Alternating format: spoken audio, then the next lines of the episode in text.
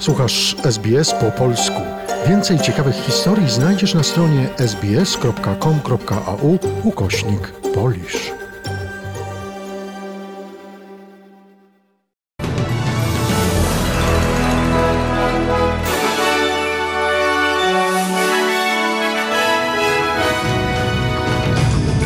Dzień dobry, witam w poniedziałek 9 maja i zapraszam do wysłuchania przeglądu najważniejszych wydarzeń. Przy mikrofonie Joanna Borkowska-Surucić. Premier Scott Morrison i lider opozycji Anthony Albanese spierają się w debacie wyborczej o bezpieczeństwo narodowe Australii. Ponad 60 cywilów zginęło w wyniku zbombardowania szkoły we wschodniej Ukrainie. W Warszawie odbyły się uroczystości związane z 77. rocznicą zakończenia II wojny światowej w Europie. A oto szczegóły doniesień. Premier Scott Morrison mówi, że zbudowanie chińskiej bazy wojskowej na wyspach Salomona byłoby sprzeczne z narodowym interesem Australii. Podczas drugiej debaty wyborczej w niedzielę wieczorem Scott Morrison został poproszony o wyjaśnienie, co oznacza wytyczenie czerwonej linii umieszczonej na budowie chińskich baz wojskowych na wyspach Salomona. No cóż, oznacza to, że tego rodzaju akcja byłaby całkowicie sprzeczna z naszym interesem narodowym, a także jesteśmy zdania, że byłoby to sprzeczne z narodowym interesem wysp Salomona. I podzielamy ten pogląd ze Stanami Zjednoczonymi. Minęło 80 lat, odkąd Australia i Stany Zjednoczone walczyły na Morzu Koralowym. Teraz znowu pracujemy z naszymi sojusznikami, z Nową Zelandią, z innymi krajami Pacyfiku, aby zapewnić pokój i stabilność na obszarze Pacyfiku. Nie powiedział jednak, czy koalicja zablokuje próby Chin w kwestii budowy bazy wojskowej. Zamiast tego stwierdził, że nierozsądne byłoby spekulowanie na ten temat. Temat bezpieczeństwa narodowego doprowadził do ostrej wymiany zdań między Scottem Morrisonem a przywódcą opozycji Antonim Albanezim. Morrison powiedział, że zastępca przywódcy Partii Pracy, Richard Marles, reprezentuje stanowisko pro-pekińskie i wygłasza swoje przemówienia w porozumieniu z chińskim rządem. Albanese określił te sformułowania jako obraźliwe oszczerstwo. Lider opozycji Antoni Albanese został zapytany, w jaki sposób ma zamiar wywiązać się ze swojego zobowiązania odnośnie podwyższenia płac pod rządami Partii Pracy. Partia Pracy podkreśliła stagnację wzrostu płac w obliczu presji związanej ze wzrastającymi kosztami utrzymania podczas rządów koalicji. Zapytany, w jaki sposób rząd Partii Pracy realnie zapewniłby wyższe płace, Antoni Albanese udzielił odpowiedzi. Różnica między mną a obecnym rządem i Scottem Morrisonem polega na tym, że będziemy się starać zrobić co w naszej mocy w zakresie środków i struktur, aby realnie podnieść płace. Wczesne głosowanie w wyborach federalnych rozpoczyna się dzisiaj. Około 550 punktów wyborczych wczesnego głosowania zostanie otwartych w całym kraju w okresie poprzedzającym dzień wyborów, czyli w sobotę 21 maja. Australijska Komisja Wyborcza podaje, że każdy, kto może głosować osobiście w dniu wyborów, powinien to zrobić, ale istnieje wiele opcji dostępnych dla tych, którzy nie mogą tego zrobić. Jednak Australijska Komisja Wyborcza prosi wyborców o cierpliwość, mówiąc, że COVID-19 może nadal zakłócić proces głosowania. Obywatele powinni planować z wyprzedzeniem na wypadek, gdyby okoliczności uniemożliwiły im głosowanie w dniu wyborów. Opublikowany tuż przed wczorajszą debatą sondaż Ipson dla gazety Australian Financial Review podaje, że Partia Pracy przewodzi 52% do 40% dla koalicji, w kwestii preferencyjnych dwóch partii. W sondażu Newspoll Partia Pracy prowadzi 54%, a 46% koalicja. Ponad 60 cywilów zginęło w wyniku zbombardowania wczoraj przez Rosjan szkoły w miejscowości Biłochorivka w obwodzie ługańskim na wschodniej Ukrainie. Pociski spadły na szkołę i niestety została ona kompletnie zniszczona, poinformował w mediach społecznościowych Serhii Hajdan, szef ługańskiej administracji obwodowej. Według niego w budynku w momencie nalotu było 90 osób, 27 uratowało się. 60 osób, które pozostały wewnątrz, prawdopodobnie zginęło, napisał Serhii Hajdaj na telegramie. Człowiek sprawdzający gruz pod zniszczonym budynkiem uważa, że nie ma ocalałych. To było 57 osób, w tej chwili tylko 7 zdołało uciec. Jest mało prawdopodobne, że inni przeżyli. Krater sięga do piwnicy. To okropne. Prezydent Ukrainy Wołodymir Żeleński powiedział, że 8 maja Ukraina wraz z całym cywilizowanym światem czci wszystkich, którzy walczyli z nazizmem. W rocznicę zakończenia II wojny światowej na Ukrainie obchodzony jest Dzień Pamięci i Pojednania. W swoim orędziu Wołodymir Żeleński podkreślił, że dzisiaj słowa nigdy więcej nabrały nowego znaczenia. 8 trawnia razem z. Razem z całym cywilizowanym światem oddajemy hołd każdemu, kto bronił planety w latach II wojny światowej Miliony zabitych, okaleczonych losów dusz, miliony przyczyn, by złu powiedzieć nigdy więcej. Znamy cenę, którą nasi przodkowie zapłacili, wiemy, jak ważne jest jej przechowanie i przekazanie potomkom. наші предки знали, як важливо вберегти її та передати нащадкам. Ukraiński prezydent wystąpił na tle zdjęć zrujnowanej Borodianki, jednej z pierwszych ofiar rosyjskiej agresji. Потвори Potwory narodziły się na nowo. Nasze miasta, które przeżyły tak straszną okupację, żeby w ciągu 80 lat ją zapomnieć, znów zobaczyły okupanta, na przykład Mariupol. W ciągu dwóch lat okupacji naziści zabili w nim 10 tysięcy cywilów. W ciągu dwóch miesięcy rosyjskiej okupacji zginęło ich 20 tysięcy. 20 tysięcy. Wołodymir Żeleński zwrócił uwagę na podobieństwo pomiędzy agresorem sprzed 80 lat a obecnym. Po dziesiątkach lat wojna powróciła i znowu stała się czarno-białą. Zło powróciło w innej formie, z innymi hasłami, ale z tą samą metodą. Ukraina doświadczyła krwawej rekonstrukcji nazizmu, fanatycznego naśladowania tego reżimu, jego idei, działań, haseł, symboli maniakalnego w każdym szczególe. Jego ideom, dijom, słowom i symbolom. Maniakalne do detali. Lider irlandzkiego zespołu rockowego U2 Bono wystąpił w kijowskim metrze, by wyrazić poparcie dla Ukrainy i oddać hołd bohaterskim obrońcom kraju.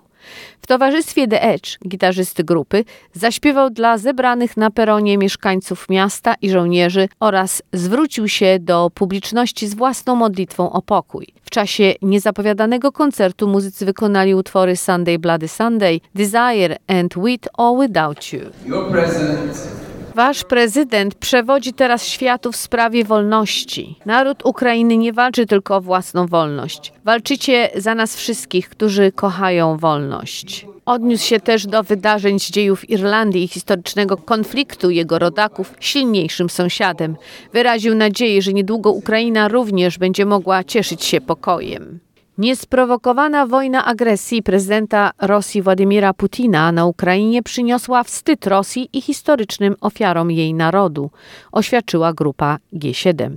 W oświadczeniu najbardziej rozwiniętych krajów świata podkreślono, że Rosja naruszyła międzynarodowy porządek oparty na zasadach, a zwłaszcza Kartę Narodów Zjednoczonych, stworzoną po II wojnie światowej w celu uchronienia kolejnych pokoleń przed plagą wojny. Pozostajemy zjednoczeni w naszym postanowieniu, że prezydent Putin nie może wygrać wojny z Ukrainą, napisano w oświadczeniu wydanym podczas spotkania G7 w formie wideokonferencji upamiętniającego zakończenie II wojny światowej w Europie. Prezydent Ukrainy Wołodymyr Żeleński zwrócił się do członków grupy G7 o konsekwentne przestrzeganie sankcji nałożonych na Rosję. Kanclerz Niemiec Olaf Scholz powiedział, że jest głęboko przekonany, że Rosja nie wygra wojny z Ukrainą. Nigdy nie byliśmy tak zjednoczeni z naszymi przyjaciółmi i sojusznikami jak dzisiaj. Jestem głęboko przekonany, że prezydent Rosji Władimir Putin nie wygra wojny. Ukraina przetrwa. Wolność i bezpieczeństwo zwycięży, tak jak wolność i bezpieczeństwo zatriumfowały nad brakiem wolności, przemocą i dyktaturą 77 lat temu. W Warszawie odbyły się uroczystości związane z 77. rocznicą zakończenia II wojny światowej w Europie. Na placu Piłsudskiego pojawili się przedstawiciele Kancelarii Prezydenta Parlamentu, władz samorządowych, kombatanci oraz mieszkańcy stolicy. Dzień 8 maja na całym świecie, a szczególnie w Europie, przywitano z wielką ulgą i radością. Nie była to radość długa dla wielu państw, gdyż jednego okupanta i najeźdźcę zastąpiono drugim.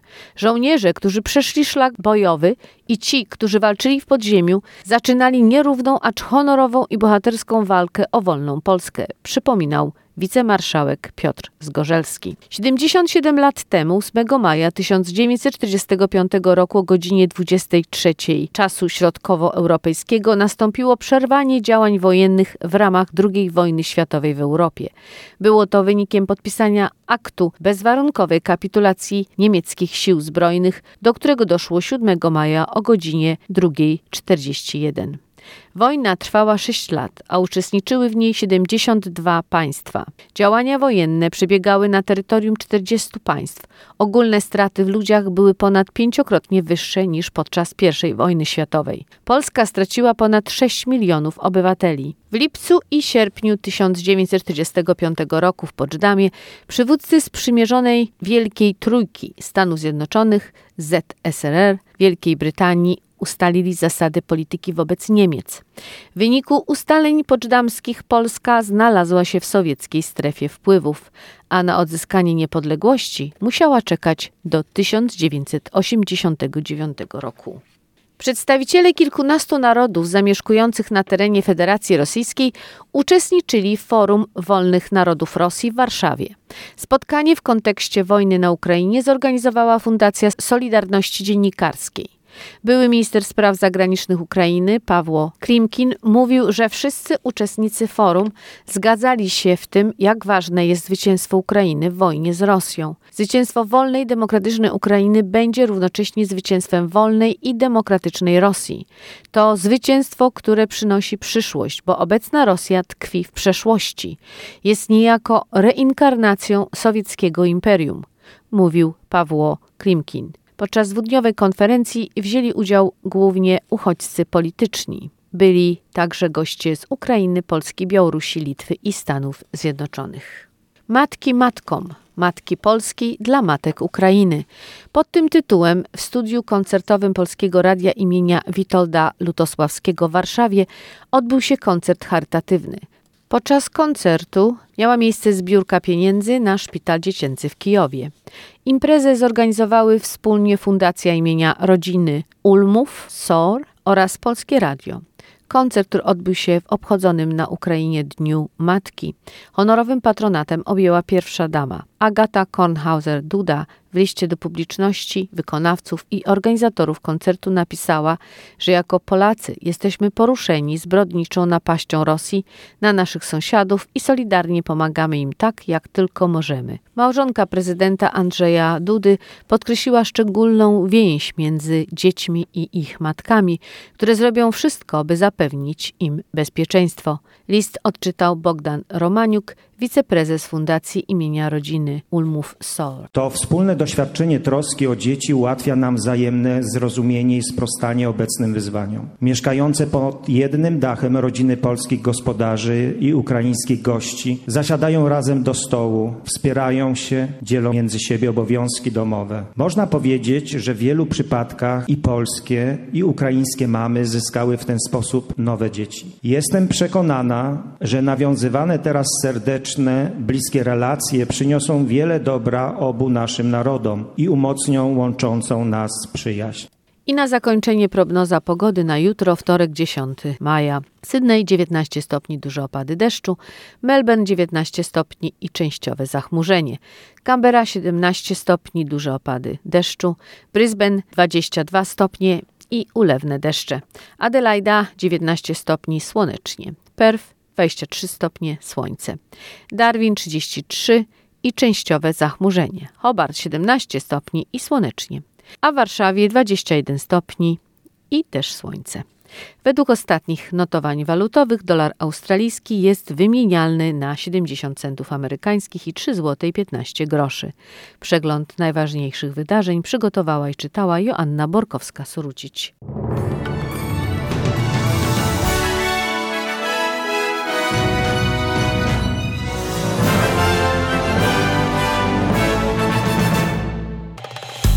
Polub nas na Facebooku, udostępnij innym, skomentuj, bądź z nami na polskim Facebooku SBS.